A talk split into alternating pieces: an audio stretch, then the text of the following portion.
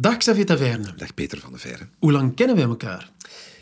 Ik wilde eigenlijk zeggen vijf weken, maar wij horen elkaar wel af en toe via mail, omdat Ja. we elkaar ehm, professioneel appreciëren, denk ja, ik. en je bent een van de enigen, daarom zit je hier ook, Mhm. een van de enige mensen die ook complimenten geeft.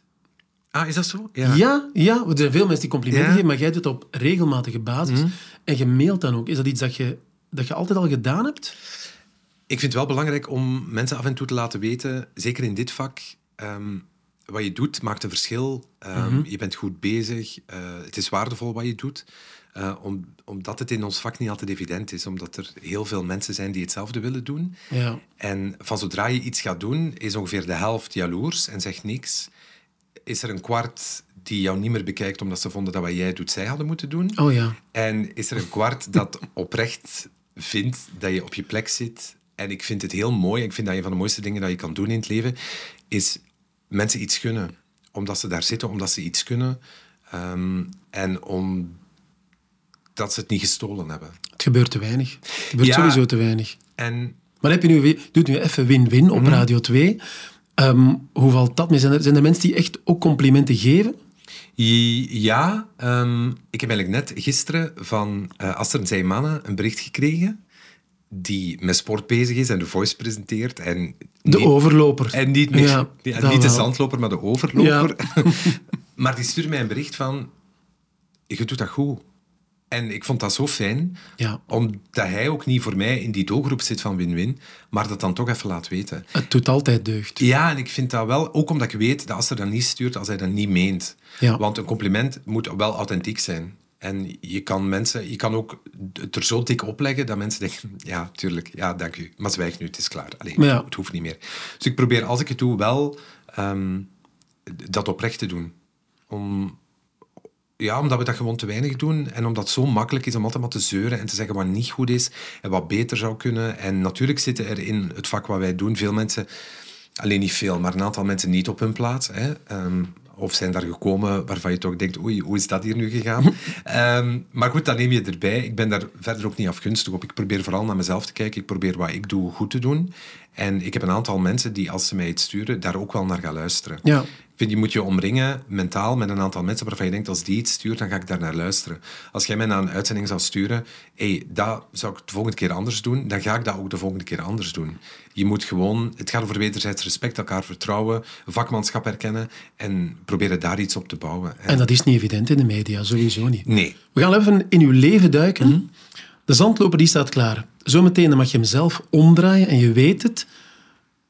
Het zand loopt, zoals het leven, je kan niet meer terug. Klaar voor? ja. We. Stel je voor dat je één moment in je leven kan kiezen waar je terug naartoe gaat. Wat zou dat zijn? En wat zou je anders doen? Of waarom doe je net hetzelfde? Welkom bij Peter van de Veire en de Zandloper. Vandaag loopt het zand met de radio- en televisiemaker Xavier Taverne. Hopla, het is begonnen. We zijn vertrokken. Ja, je lijkt me een onwaarschijnlijk ongeduldig iemand. Was je dat als kind ook al? Ja. Ja, ik heb heel weinig geduld. Ehm, ik wil altijd maar vooruit en ik wil altijd maar sneller en ik wil altijd maar meer. En ik wil... Maar niet op, een, enfin, niet op een ongezonde manier dat ik dingen nastreef die onhaalbaar zijn. Maar ik ben heel gulzig. Ehm, ik wil heel veel tegelijk. Ik wil ehm, niks gemist hebben ehm, van de kansen die op mijn pad komen. En dat was vroeger ook al zo. Van, neem ons even mee, kleine Xavier. Waar loopt hij ergens? Waar is hij geboren? Eh, Xavier loopt vooral op de boerderij van zijn grootouders. Mijn ouders hadden een, eh, eerst een café en een feestzaal en daarna een restaurant en een feestzaal. In... Eh, eerst in Wingenen, dan in Beernem, Ah, Oké, echt de West-Vlaanderen. Ja. West-Vlaanderen. Ehm, en mijn ouders werkten zeven op zeven. En in het weekend was dat gewoon niet zo handig. Wij waren klein, dus gingen wij elk weekend van vrijdagavond tot zondagavond, denk ik, of zelfs maandagochtend. We?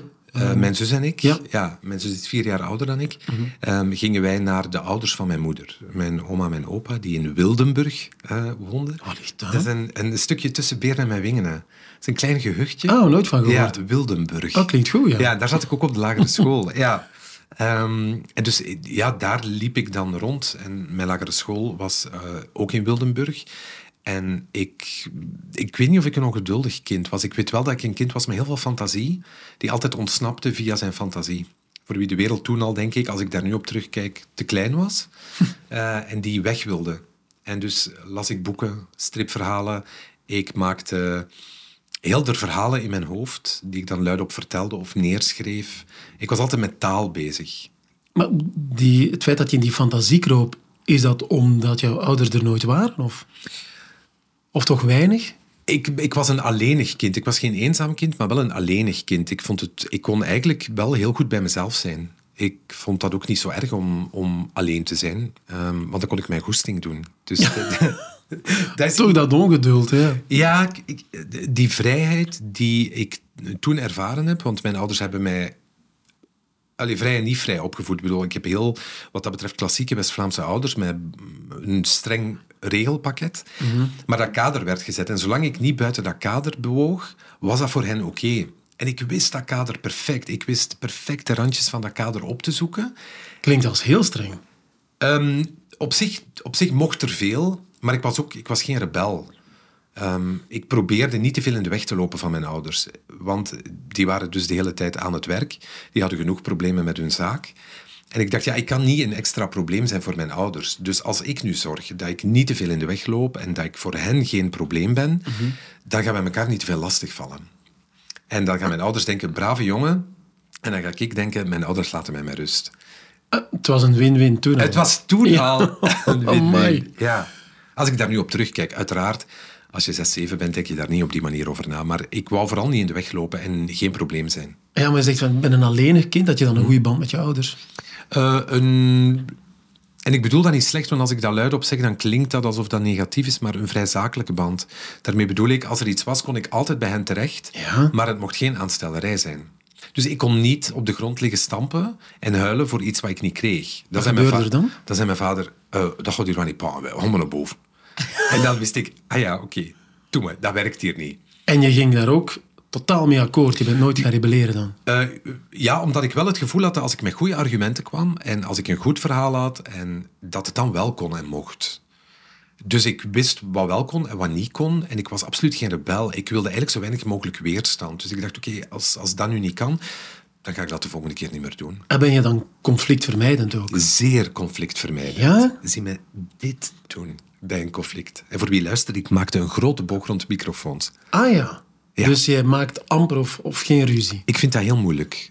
Ik, um, omdat in het moment zelf ik vaak niet de juiste woorden vind. En Echt? In, een hoog oplopende ruzie vind ik moeilijk de juiste woorden. Ik ga meestal zet ik dan twee stappen terug en wil ik de situatie overschouwen. Mhm.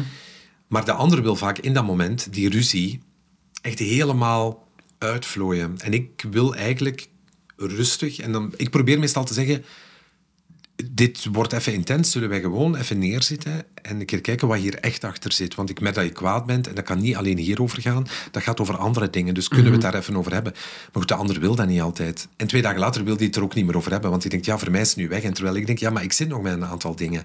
En ik wil dat, dat goed aanpakken. Ja. En niet de situatie erger maken door um, olie op het vuur te gieten. Maar ik weet zeer goed wat ik kan zeggen om mensen heel kwaad te maken. Ja. En ik weet dat ik gewoon soms ook wel een stuk venijn ben. Dus die, ik weet dat ik dan zoiets kan zeggen en dan weet ik gewoon... In een ruzie met mijn man weet ik bijvoorbeeld, als ik nu dat zeg, dan hangt hij tegen het plafond. Geef eens een voorbeeld. En ziet er mij van genieten. ja. Um, hij is kunstenaar. En stel dat we een ruzie hebben, Um, ik zeg maar wat, omdat ik te veel heb gewerkt. Enfin, daar doet hij eigenlijk nooit moeilijk over. um, maar goed, we hebben een ruzie. Ja. Zeg ik, weet je wat je doet, jong? Pak nog wat verf en schilder nog wat. Hè? Oh, bijvoorbeeld. Ja. Terwijl hij zijn kunstwerken waarschijnlijk wel mooi vindt. Maar ik vind ze prachtig. Het is zo geen hobby aquarelschilder waarvan ik moeite moet doen om te zeggen dat het mooi is. Ik vind wat hij maakt echt mooi. Dat hangt ook met veel liefde op in ons huis. Dat is een verdienmodel voor hem. Hij is daar echt grote stappen in aan het zetten. Ja. Maar ik weet dan, omdat hij daar zelf wat onzeker over is. De kunstenaars zeer onzeker. Maar ik weet dan, als ik dat doe, dat is gewoon meteen echt de handschoenen uit en gewoon... Mm, ik ga meteen echt... Maar ik weet, dat moet ik niet zeggen. Nee. Want ik meen dat ook niet. Maar de schade die je daarmee veroorzaakt, is gewoon zeer groot. En dat is iets wat je niet vergeet. En de nazorg die je eraan hebt, is heel groot. Want je moet wekenlang uitleggen dat dat vanuit een boze plaats kwam. En dus ik heb mezelf niet onder controle in hoogoplopende ruzies. En dan weet ik dat ik gewoon zeg, ik ga even een blokje om. En ik kom zo meteen terug en dan gaan we het er echt over hebben. Want ik kan nu niks zeggen wat de situatie gaat ontmijnen, in tegendeel. Wat, wat perfect werkt in een volwassen wereld, in sommige volwassen werelden, als je dan als kind in Wildenburg Ja. op school zit, hoe hoe gaat dat dan? Ik, ik had zeer weinig aansluiting met de kinderen uit mijn klas. Ik was geen voetballende jongen, maar ik was ook geen echt poppenspelend meisje. Ik zat daar zo'n beetje tussen. Dus ik voetbalde wel eens mee, omdat dat natuurlijk verwacht werd in de jaren tachtig. Ehm, maar ik weet wel, en oh, amai, ik moet daar nu plots aan denken. In het vijfde en het zesde leerjaar, wij zaten samen in één klas, klein schooltje, dus vijfde en zesde werd door dezelfde meester gegeven. En was er een soort crea-klas waar de jongens timmerden. Maar ik vond dat niet tof. En de meisjes deden naaiwerk en macramé. En ik mocht meedoen met naaiwerk en macramé. Daar moet ik dus nu aan denken dat dat mocht. Wat ik, wat ik voor de jaren tachtig Ja, dat is uitzonderlijk revolutionair. Revolutionair In. West-Vlaanderen dan Ja. ook. Maar ik had niet zo heel veel aansluiting. Ik, mijn ouders zijn verhuisd toen ik vier was en ik zat toen al op die school en ik ben er gewoon blijven gaan. Maar ik zat in het dorp ernaast. Hm. Ehm, ik zat ook niet in een tekenacademie of de muziekschool of ik had nul hobby's. En dus ja, mijn leven speelde zich af in een bos zonder buren. Ehm, ja, ik had gewoon heel weinig buren. Ik had ook weinig ambitie. Mhm. Ehm, verjaardagsfeestjes waren nog niet echt Nee, dat werd niet gedaan op die manier. niet op Nee. die manier in Nee, elk geval. Nee, dat was zoiets van twee tot vier gaan spelen bij iemand. En dat was dan al vrij, vrij uitzonderlijk. Ja, Maar dan later ging je wel op internaat. Dus dat Ja. is dan helemaal alleenig. ja eh, ook omdat mijn ouders zeiden, ja, wij hebben niet echt heel veel tijd om met jou bezig te zijn in de week of om je studiepatroon in de gaten te houden. Of Waar was het internaat? Brugge. In Brugge. Op Ja. acht kilometer van mijn huis, wat Ja. ik zo dicht vond. Ehm, maar mijn zus had, eh, heeft hotelschool gedaan, niet de eerste twee jaar. Ehm, dat heeft ze op een gewone school, een gewoon technische school gezeten. Daarna is ze hotelschool gaan doen. Maar die eerste twee jaar op het internaat waren heel problematisch. Zij zat daar niet graag. Mijn ouders zijn daar heel vaak moeten gaan halen van school op maandag, omdat het gewoon niet ging. Omdat ze echt fysiek ziek werd van op die school te zijn. Ehm, en ik dacht, ja, ik was ook niet heel graag op internaat, maar alweer dacht ik, ja, ze, hebben, ze zijn al eens door die helle tocht met mijn zus gegaan. Dus ik zal maar assume wou the position. sparen, ja. Ja, dus ik, ik, ik dacht, ik ga daar nu niet zo moeilijk over doen.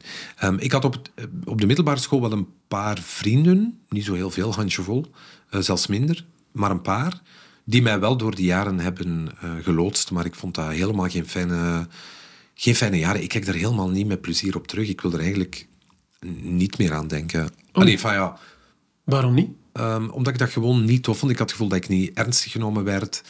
Dat het vooral ehm, van bovenuit... We hadden opvoeders op het internaat.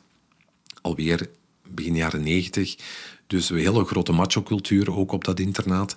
Wat ook nog eens in de verf werd gezet. Opvoeders vonden dat geweldig. Als er dan gevochten werd. Hé, manneke, dat mag niet. Hè. Maar stiekem toch... hmm.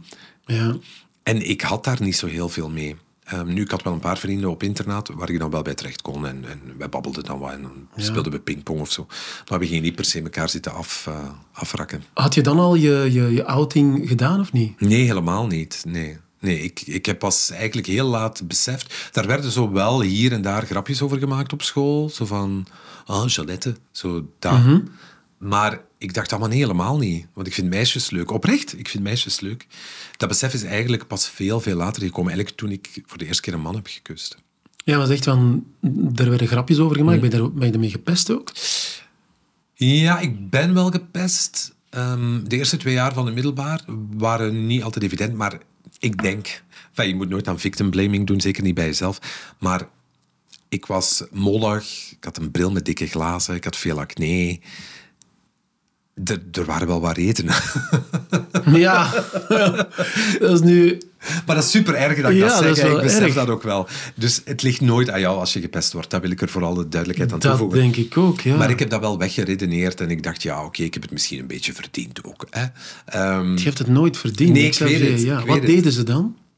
maar gewoon eh, roepen. Gewoon, het was nooit fysiek. Uh, was op internaat zo wat roepen. Of, ehm, en voor mij de climax... eh, maar goed, ik heb dan in de zomer na tweede middelbaar beslist, oké, wat is mijn talent hier? Wat kan ik? En ik dacht, taal is wat ik kan. Ehm, en dan heb ik vanaf het derde middelbaar echt zo'n klep beginnen krijgen, echt een gigantisch grote mond, waardoor eigenlijk dat pesten heel snel is afgenomen. Omdat ik dacht, ik ben gewoon verbaal de betere van jullie allemaal opgeteld. Dus please come for me, want ik heb nog veel meer dan dit te geven. En dan is dat wel... ehm, gebeterd ehm, tot in het vijfde middelbaar. En dat was voor mij een, een, echt een soort breekpunt. Uh, de zesdejaars op het internaat die uh, moesten altijd het Sinterklaasfeest voor het internaat organiseren. Um, 200 internen, 1 tot 6. Wij komen in de aula van de school. Um, en een van de sketches die ze hadden bedacht was Liefde op het eerste gezicht. Jode Porter. Juist, ja, datingprogramma, datingprogramma op uh, VT4 toen. Ja, waar je met rode lipjes kon aangeven of je de ander leuk vond ja. aan de overkant van de studio. Um, dus dat hadden zij bedacht. En, um, en ik voel boosheid, terwijl ik dit vertel, voel ik daar nog altijd een grote boosheid over. Ze hadden dus bedacht om een Liefde op het eerste gezicht te doen met zes jongens van wie zij dachten dat ze homoseksueel waren. En dus is daar tien minuten lang met naam en toenaam zijn wij uitgespeeld als een soort... Ja, weet ik veel. Um, als ja, de, de, de homo's van het internaat. Um, en iedereen lag dubbel van het lachen. Um, opvoeders in kluis. En ik ging toen naar mijn kamer en ik dacht, ik ga gewoon mijn kamerdeur sluiten, wat we eigenlijk niet mochten doen. Want ik wist, als ze nu door de gang lopen, dan gaan ze zeker mijn deur ook nog eens opengooien. En dat was ook zo. En ik voelde mij zo ongelooflijk onveilig uh, op dat moment. Um, en toen kwam de hoofdopvoeder van het vijfde en het zesde middelbaar uh, vragen wat vond je ervan? Mm -hmm. En ik zei, wat vond ik ervan? Ik zeg dat je dat nog maar durft vragen. En ik ben dat weekend naar huis gegaan ik heb gezegd tegen mijn ouders, kijk, volgend jaar wil ik extern zijn. En als je mij dat niet toelaat, dan ga ik gewoon niet studeren. Dan doe ik acht, negen, tien, twaalf keer mijn zesde jaar opnieuw. Maakt mij niet uit, maar ik moet en zal elke dag op en af naar huis kunnen. En voor mij is toen is er echt iets gebroken. Uh, mijn beste vriend op school in dat jaar is zijn vader verloren. Die ging ook extern. En die had een soort verdriet dat ik niet kon omvatten. Um, dus er kwam heel veel samen in dat jaar. Um, en dat zesde jaar was voor mij, oké, okay, je moet dat nu gewoon nog even uitzitten. Mm -hmm. En dat was een heel lang jaar, ja. Um, maar je zei net van, ik word nog boos als ik eraan denk. Mm. Ben je altijd boos op die mensen? Ik ben niet boos op die mensen. Ik ben wel boos op mensen die zich opvoeder noemen en dat toelaten. En oké, okay, het zijn de jaren negentig, daar wil ik absoluut inkomen. Maar op geen enkel punt heeft iemand hè, die opvoeder is, nogmaals, gedacht... Oh, misschien gaat dat een aantal mensen kwetsen. Mm -hmm. Misschien is dat een grote onzekerheid voor die jongeren. En moeten we niet met 200 internen plat liggen van het lachen. Want wij moesten de dag erop ook wel weer om half acht samen gaan ontbijten. En toen begon het opnieuw. En toen ja, waren er nog wat naweeën van um, dat Sinterklaas-spel. Ja. En gewoon dat je bevestigd wordt in dat gedrag. Dat iedereen... Ja, dat heeft mij wel echt... Dat heeft mij wel heel hard gekraakt eigenlijk op dat moment. Uh, ik was daar echt niet goed van, maar ik dacht, oké, okay, rugrechten, verder, omhoog. Uh, het was ook de tijd niet om je punt te maken. Want als ik daar een punt over had gemaakt, ja, dan was ik nog veel harder uh, opzij gezet. Um, of het was weggelachen. Of het was weggelachen, ja. maar op geen enkel moment ernstig genomen. En als ik dan nu de vraag krijg van opvoeders van mijn middelbare school met hey, um, we doen een leuk evenement op het internaat, wil jij komen? Dan denk ik, nee, maar natuurlijk niet. en dan de verontwaardiging, de moeilijke BV, maar het heeft daar niks mee te maken, want je mocht mij alles vragen en ik zal het met veel plezier doen. Maar ik, en ik weet sommige dingen moet je vergeven en je moet verder. Maar over sommige dingen in mijn leven wil ik een beetje boos blijven om die verontwaardiging te blijven voelen. Ik hoop dat ze aan het luisteren zijn naar deze zandloper. Dat ze het mee hebben. Ja, en misschien ook niet. Want ik verwacht ook niks van hen. Nee, Maar ja. ik denk wel dat ze... Ik zou het fijn vinden dat ze op zijn minst zeggen... Met wat we vandaag weten, 30 ja. jaar later hadden we dat toch misschien anders moeten Als je twintig jaar later, hoeveel, het is hm. langer geleden intussen, ja. als je dat hoort en als opvoeder, dan komt dat wel binnen. Daar ben ik van overtuigd. Het leuke is, in deze podcast kan ik de tijd even stilzetten. Voor een belangrijk moment, zo echt een scharniermoment. Sommige mensen kijken met spijt terug, anderen zijn zeer blij dat ze het gedaan hebben. Ik leg hem nu even neer. Waar zitten we en welke tijd ongeveer? Juni 1999, mijn laatste maand op de middelbare school in Brugge, mm -hmm. waarop ik moest gaan beslissen wat ik wilde doen. Oké. Okay. Zandlopen loopt verder. Uh, juni was het gewoon weer, in 99? Uh, het was vooral uh, de maand van de dioxinecrisis. Wat was dat dan? Toen, Juist, ja, ja, ja. En ik mocht toen, dat was tien dagen na mijn 18e verjaardag, mocht ik ja. 13 juni gaan stemmen. En die verkiezingen hebben... Dat was ook de eerste keer dat jij mocht gaan stemmen? Ja, ja, okay, ja tien dagen na mijn verjaardag. Ik ben jarig op 3 juni. 13 juni waren het verkiezingen. CD&V ging dat met met vlag en wimpel winnen. Jean-Luc Dehaene was premier. Maar toen was er de dioxinecrisis. Ja. En toen hebben we acht jaar paars gekregen met Guy Verhofstadt. En daar is mijn interesse voor politiek ook begonnen. Oké. Vond ik geweldig interessant. Maar dat was niet mijn scharnierpunt. Ja, maar ik zit net te denken, dus Ja. zonder vetsmelter verkest. wat, wat, wat, wat, wat is je eerste keuze dan? Of de, de keuze voor de dioxinecrisis? Voor mij om te stemmen? Ja? Nee, nee, Eh, om te stemmen niet om... Omdat je zegt van die politiek heeft me dan mijn ja. interesse gewekt. Was er iets anders aan? Ehm, nee, ik, maar ik wilde altijd wel journalistiek doen. Toch, oké. Dat was voor mij wel heel snel duidelijk van mijn 7, 8 eigenlijk. Mhm. Ehm, maar het luikje politiek, de interesse in politiek, is daar gekomen. Omdat je de machinaties zag en de lives in het journaal. En ik was helemaal begeesterd. Ik, ik- heel bizar. Ik was 18 en ik zat gewoon alles te verslinden. Ter zake, het journaal. En ik wilde het laat ook zien. En ik wilde de herhaling nog eens zien. Denk, laat bestond nog niet. Het laat journaal wel, Laat Journaal denk ik. bestond- ja, dat wel, Ja, het was een late editie. Ja. Maar niet zoals het eh, topprogramma dat ik eh, Nee. heb gepresenteerd, natuurlijk. Nee. Maar dus jouw interesse is gewekt en Ja, dan? en dus ik, mm, ja, ik kon gaan kiezen. En nogmaals, alweer, mijn ouders hadden een kader uitgezet. Kies maar. Mijn ouders zeiden ook, wij weten dat niet. Je zet een eerste, die gaat verder studeren. Dus kies maar. En ik dacht, ik wil naar Brussel. Ik wil naar Brussel. Maakt mij niet uit wat, welk kot, welke opleiding. Ik wil onze hoofdstad leren kennen. Dat was het, ja. En een stad waar ik hoopte niemand mee te hebben uit mijn verleden. Dus ik heb een soort reset-knop ingedrukt in juni 99. Ik wilde niks of niemand mee. Ik wilde gewoon... Wie is Xavier zonder de dingen die gebeurd zijn? Ehm, ik wilde een nieuwe kans van het leven.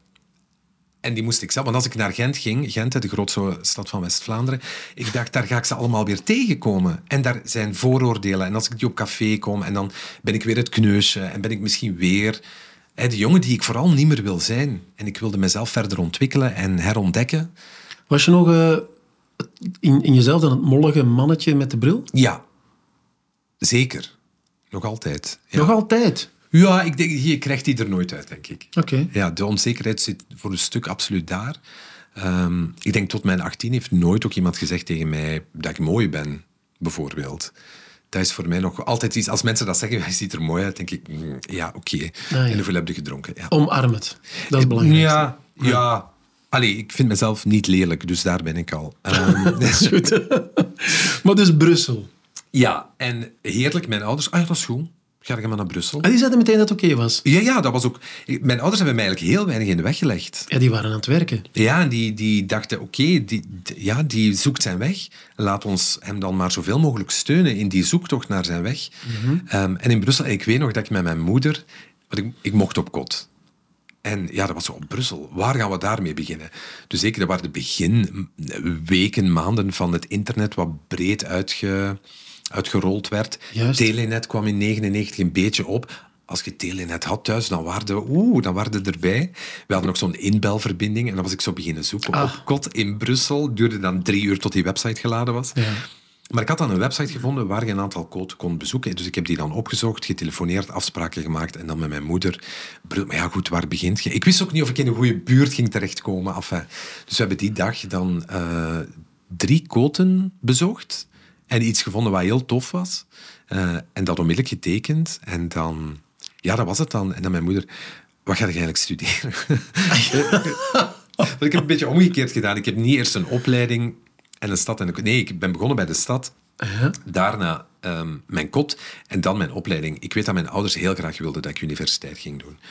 En, en ik heb daar wel even over getwijfeld. Wil ik psychologie gaan studeren?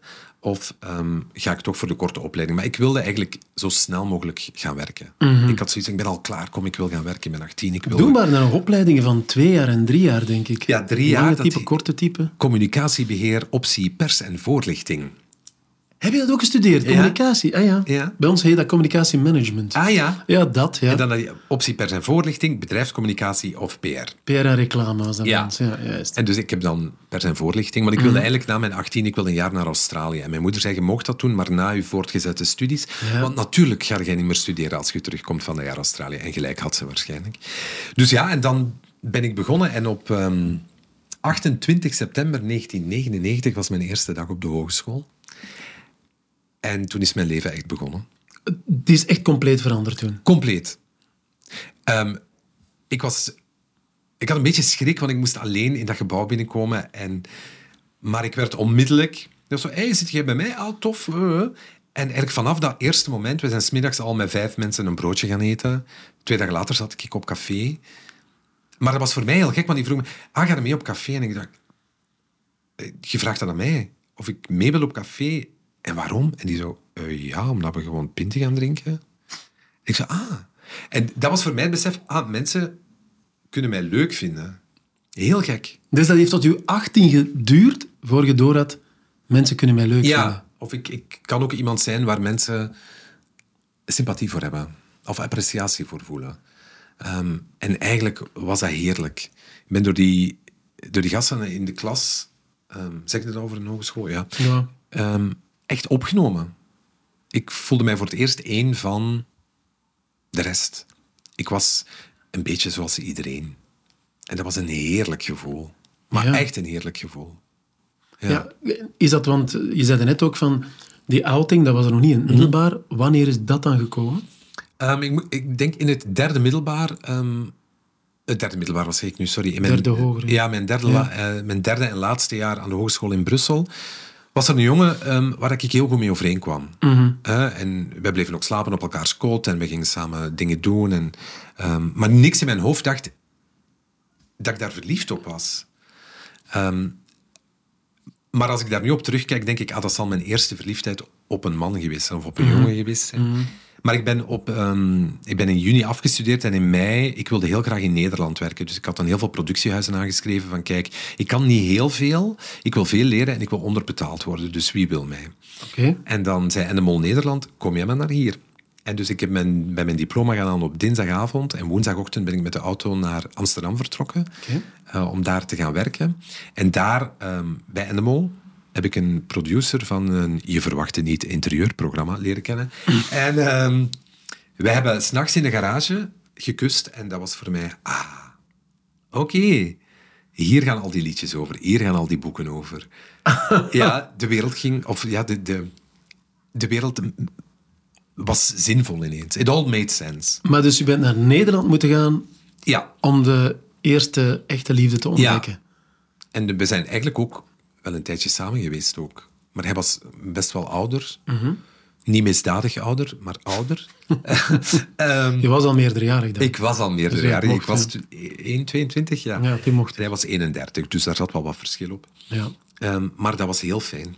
Dat was heel eh, mooi en lief en respectvol en alles wat je eigenlijk wil van een echte eerstlief. Waarom ben je niet in Nederland gebleven dan? Ik had stage gedaan bij Radio 2 West-Vlaanderen. En ja, daar was op dat moment geen plaats. En dan ben ik in Nederland begonnen. In mijn eerste week hebben ze daar 80 mensen buiten gegooid. En toen moest ik met een baas komen en die zei van... eh, ja, je bent vanaf nu producer. Voilà. En ik dacht, oei, hé, maar ik kan niks. Ehm, dus ik heb echt weken aan een stuk echt niet gehuild, maar willen huilen van ik ben hier het overzicht kwijt, ik moet hier met budgetten werken, ik moet met Nederlanders werken die u gewoon in uw gezicht zeggen wat ze van u vinden, maar dan niet meeslepen en twee minuten later aan het koffiemachine kunnen zeggen, oh, ook melk erbij? En ehm, eh, ja, sorry, je was toch boos op mij? Dus ik, heb, ik ben heel erg moeten ontvlaamsen daar. Ehm, en op het moment dat ik daar producer A kon worden, dus dat ik zeg, kijk, je doet dat eigenlijk goed, we willen u houden, wil je, wil je vast contract? Belde Radio 2 om te vragen, wil jij eh, deeltijds komen? Want we gaan van gebouw veranderen en we moeten op twee plekken werken en we zoeken iemand die wat de gaten kan dichten. En ik heb daar toen gewoon over nagedacht. Ja. En dan toch die keuze gemaakt. Ja, dus ik, ik kon kiezen tussen een contract in Nederland of een deeltijdscontract in ehm, België. En dan ben ik beginnen nadenken, wat wil ik nu echt doen? En ik dacht, ik wil radio maken. Dat wil ik eigenlijk het liefst van allemaal. Had je niet graag radio gemaakt in Nederland? Want ook Ja. boeiend landschap. Maar tuurlijk, dan lag ik nu al met mijn voeten omhoog op Aruba. Want dan had ik vijf jaar gewerkt en was ik binnen. Maar, eh, sommige, sommige wel, niet allemaal, Nee, nee, maar oké. sommige wel, ja. Nee, sommige wel. Ehm, ja, ik weet alleen niet of ze daar per se echt op een Vlaming zitten te wachten of op iemand met een Vlaamse tongval. Ik vind Nederlandse radio een van de meest intrigerende, Ja. boeiende werelden. Met transfers op elk moment van de dag lijkt het wel. En als er iemand vertrekt, pakt hij een procent marktaandeel Ja. mee, wat in Nederland gigantisch is. Want dat betekent reclameinkomsten verdubbelen of in sommige gevallen. Dus ik vind dat heel... Het rare is, effectief, op televisie gebeurt het wel. Bart Peters heeft het gedaan, eh, Erik van Looy. Op radio... Behalve Luc Jansen. Ja, Luc, maar die, die praten ook met een Nederlands accent. Dus ja, het gebeurt daar, het gebeurt daar precies heel weinig. Het is schattig op tv en het is vervelend op de radio, heb ik de indruk. Oh, dat Om- Vlaams is zo leuk. Ja, omgekeerd ook Nederlanders die hier op radio komen, er zijn er ook heel weinig. Wij kregen bij Radio 1 heel vaak ehm, inderdaad klachten als we Nederlandse experts aan het woord lieten in de ochtend. Ehm, zijn er geen Vlamingen die dat kunnen uitleggen? Het is weer een Hollander. Het is weer een Hollander. Ja. Maar ze kunnen nu eenmaal soms ook gewoon beter uitleggen. Ja, heb je nog plannen om eh, ooit terug te gaan naar Nederland? Ik zou daar graag gaan wonen ooit, ja. Dat, dat lijkt mij heel fijn. En of als ik daar professioneel ooit iets kan doen, zou ik dat wel heel graag doen. Als mijn man bijvoorbeeld kansen krijgt in Nederland, wat toch een sterk designland is, Ja. ehm, dan zou ik meteen meegaan, denk ik. Ben geen echt breker, maar heb je die man ooit nog gezien eh, van zoveel jaren geleden? Die Ik ben naar zijn 31 jaar. huwelijksfeest geweest. Ja? Ja, ja. Eh, dat was heel mooi. Dat was heel schoon. En hij zei, het is jammer dat je er toen niet klaar voor was, want ik heb u echt graag gezien, maar ik ben heel gelukkig nu. Amai. Dat was echt een mooi moment. Dat is Ja. wel goed. Ja, dat is heel schoon. Nu, intussen, win-win, Mhm. dat loopt geweldig. Mensen zijn heel tevreden. Maar ik weet, nog eens terug naar die ongeduldigheid. Mhm. Hoe lang ga je dit doen? Eh, tot zomer 26 en dan wil ik daar een evaluatie over. En dan wil ik weten of iedereen rond de tafel nog blij is over wat we aan het doen zijn. Dat is overmorgen, hè, Xavier? Dat is eh 2,5 jaar. En dat vind ik mooi. Ja. Ik zou het heel mooi vinden als win-win groter wordt dan mezelf, dat het eigenlijk niet meer zo gek veel uitmaakt wie daar zit. Dat, dat we consumenten sterker hebben gemaakt, dat dat een soort waardemerk is, ehm, dat iedereen win-win kent, dat dat een online platform is, ehm, dat, we, dat we dat hebben kunnen maken. Maar misschien wil ik in 26 nog wel 10 jaar bij, allee, erbij doen, ik, ik weet dat nu niet. Want dat vond ik wel straf, dat je, ik stel die vraag en dat was nog niet helemaal gesteld, of je Hmm. wist al meteen perfect het antwoord. Is dat bij alles zo, dat je zo goed weet van, dat is een deadline, daar wil ik eindigen, daar wil ik nu naartoe, bij alles? Hmm. Ja, dat is zeer vermoeiend. Ehm, ik, voor mij is het heel moeilijk om in het moment te zijn. Als ik met iets begonnen ben, denk ik aan het volgende. Dus in mijn agenda ook. Als ik ehm, een vergadering nu heb, dan weet ik... Ah, ik ben eigenlijk bezig met het volgende. Ik moet dan een vooropname doen. Of ik ben met die vooropname bezig en ik weet, ik moet s'avonds om zeven uur gaan eten. Of Dus je weet nu al wat je straks gaat doen. ik weet nu al perfect van minuut tot minuut wat ik ga doen. Je kan mij ook vragen, 27 april, ik weet dat. Ik weet wat ik op 27 april ga doen. Ik weet Je ik weet op... niet wat je op 27 april gaat doen. Jawel. Maar dat is omdat dat waarschijnlijk een datum is die heel belangrijk is. Nee, ik weet van 90% van mijn agenda kan ik zeggen, oké, dat weekend hebben we dat. Als mijn, als mijn man vraagt, ze hebben dat weekend vrij, dan zeg ik, nee, nee, we moeten zaterdagmiddag naar de... Zonder dat je de agenda ziet. Ja. Wacht, maar 27 april, concreet? Ja, dat is een eh, zaterdagavond. En dan moet ik eerst naar een debat in Antwerpen over ehm, vrijheid. Ehm, en dan s'avonds is een van mijn beste vriendinnen jarig en dan gaan we dansen. Ik vind dat griezelig hoor, dit. Ja, ik weet het, het is eng, hè. Maar mag ik nog eens één doen? 5 juni. 5 juni, dat kan ik eigenlijk niet zeggen wat ik op 5 juni ga doen, want dat moet nog geheim blijven. Maar dat is binnenkort meer. Maar wat is dat allemaal? Wacht, Ja. ik, ik kan heel... Dit kan niet. Ja. 23 september. 23 september zal ik op dinsdag Win-Win presenteren. Maar jij moet, jij moet op de kermis gaan staan. dit, is, dit is griezelig. Dit is maandag, sorry, dit is maandag. ja. mag ik nog, kan nog eens een proberen. Ah, en heb ik s'avonds een debat voor de gemeenteraadsverkiezingen, juist. 16 maart 2025. Dat weet ik niet. Dat kan niet, hè? Nee, dat weet ik niet. Nee, maar, Dit, maar dit is wel al griezelig. Ja. Maar toen Bart Kannaerts kwam in Goedemorgen Morgen, zei Ja. ik, hey, tot 4 maart, hè. En die kijkt naar mij Maar dat zal wel. en die zegt... Ah, 4 maart, dan zitten wij samen Ja, dan in. zitten wij samen in... Als je dit beluistert, is het misschien al voorbij. Ja. Maar, oh, goed. Ja. Oh, wauw. En ik zag Bart op de kastaars en ik zei, sorry, maar jij keek heel raar, maar ik ben echt geen freak. Ik zeg, ik ken gewoon mijn agenda heel goed. En hij zo, nee, nee, het is oké. Maar ik dacht Ja. wel dat hij dacht, Beetje freak wel. jij komt over zeven weken en... als mijn agenda kapot is, ik bel u. Ja, Oké, je wil nog van alles doen, maar iedereen heeft een lijstje. En als ik u bezig hoor, je hebt ook een lijstje. Wat staat er bovenaan? Ehm, bovenaan staat eh, aan de oostkust van Amerika, ehm, midden in het groen, liefst New England of New Hampshire, een huis met een porch, met een... eh, Poortje is een, eh, Een soort- Nee, zo. nee, een, een, ehm, een veranda. Ah ja, zo, ja, ja. Een, ja. Maar een buitenveranda, zo niet met glas. Porch klinkt beter. Porch. Porch, ja. Met een swing, met een schommelstoel. Vier kamers, B&B, waar we gewoon mensen de beste tijd van hun leven geven door heerlijk te koken. Ik vind niks zo erg als gerold worden als ik veel geld heb uitgegeven om ergens te gaan logeren. Ja. Foto's, oh, prachtige B&B, helemaal in de rust en in de natuur, klopt niks van. En jij kan koken ook. Eh, mijn man kan goed koken. Die kan koken. Ik ben meer van de gastvrijheid en kom binnen. En, ik- eh, mijn man heeft 100 woorden per dag, ik heb er 10.000. Dus wij, wij vullen elkaar goed aan. Oké. Dus en- dat is, de, dat is de droom. Of dat ooit gaat lukken, ik weet het niet. Of ik ooit de moed ga hebben, of ik ooit Amerika ga binnengelaten worden om dat te doen. Ik weet dat het niet. Stel Maar dat je daar een datum moet opzetten, wat wordt dat dan? 2040, Dan ben je, 58. dan is het klaar. Ik denk het wel, ja. Ik denk dat mensen mij dan ook wel goed beu zijn tegen dan. Nee? Ik denk... Ik, weet dat niet. Ik had er nu na vijf weken al... Ik, zie, ik kom dan zo op Sportza en dan zie ik luister naar Xavier Taverne is een win-win. Ik denk, eh, weg. Ja, maar dat dat is tunnelvisie, sowieso. Ja, ik, ik weet het ook niet. Ik weet ook niet hoe mensen op dit moment kijken en luisteren naar win-win. Ik heb de indruk dat mensen het fijn vinden, dat dat een soort meerwaarde is. Maar je weet dat niet. Mensen vragen mij ook, ja, hoe loopt het? En ik denk, ja, ik denk wel goed, maar ik wil ook niet naïef zijn en denk je, supergoed. Terwijl iedereen denkt, Nee, ik denk dat het heel positief is zelfs. ja. Dus, ja, Hoe oud wilt je worden? Ja, ik moest onlangs een interview geven omdat ik halfweg was. Eh, en ik dacht, ja, dat is dan zo zeker. Ja, statistisch gezien. ehm, ik ben 42, dus 84. Mooie leeftijd. Ja. En het, maar het, het eeuwige cliché is, ehm, ik wil zo oud worden en het nog beseffen en nog dingen kunnen doen. Mijn oma die wordt 97 en die zit eigenlijk al jaren in het rusthuis en die doet niks meer. Die leest geen krant, die kijkt geen tv, die staat gewoon op en die gaat slapen. En ze zit door het raam te kijken de hele dag. En die herkent jou nog? Mm, mij niet zozeer meer, denk ik. Ze weet nog wel vaag wie ik ben. Maar ze kan ook niet onthouden. Als mijn moeder daar gaat, zegt ze... Ah, is onze Joris geweest vanmorgen? Ach. Dan zegt ze... Ja, terwijl mijn moeder weet dat dat niet zo is.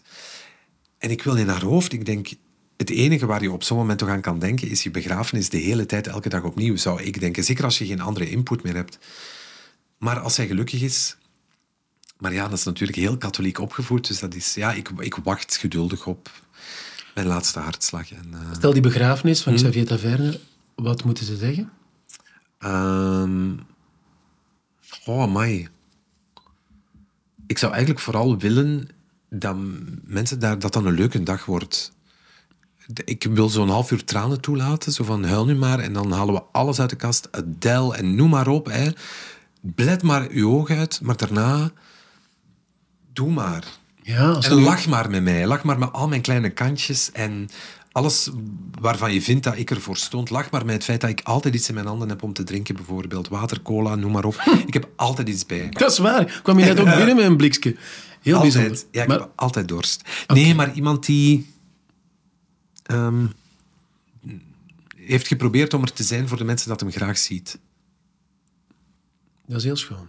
Of het was een win-win. Kan ook. Dat kan ook. De zandloper, die is eh, helemaal leeg. Mhm. Je leven is even voorbij, voor nu toch. Xavier Taverne, dank je wel. Jij bedankt.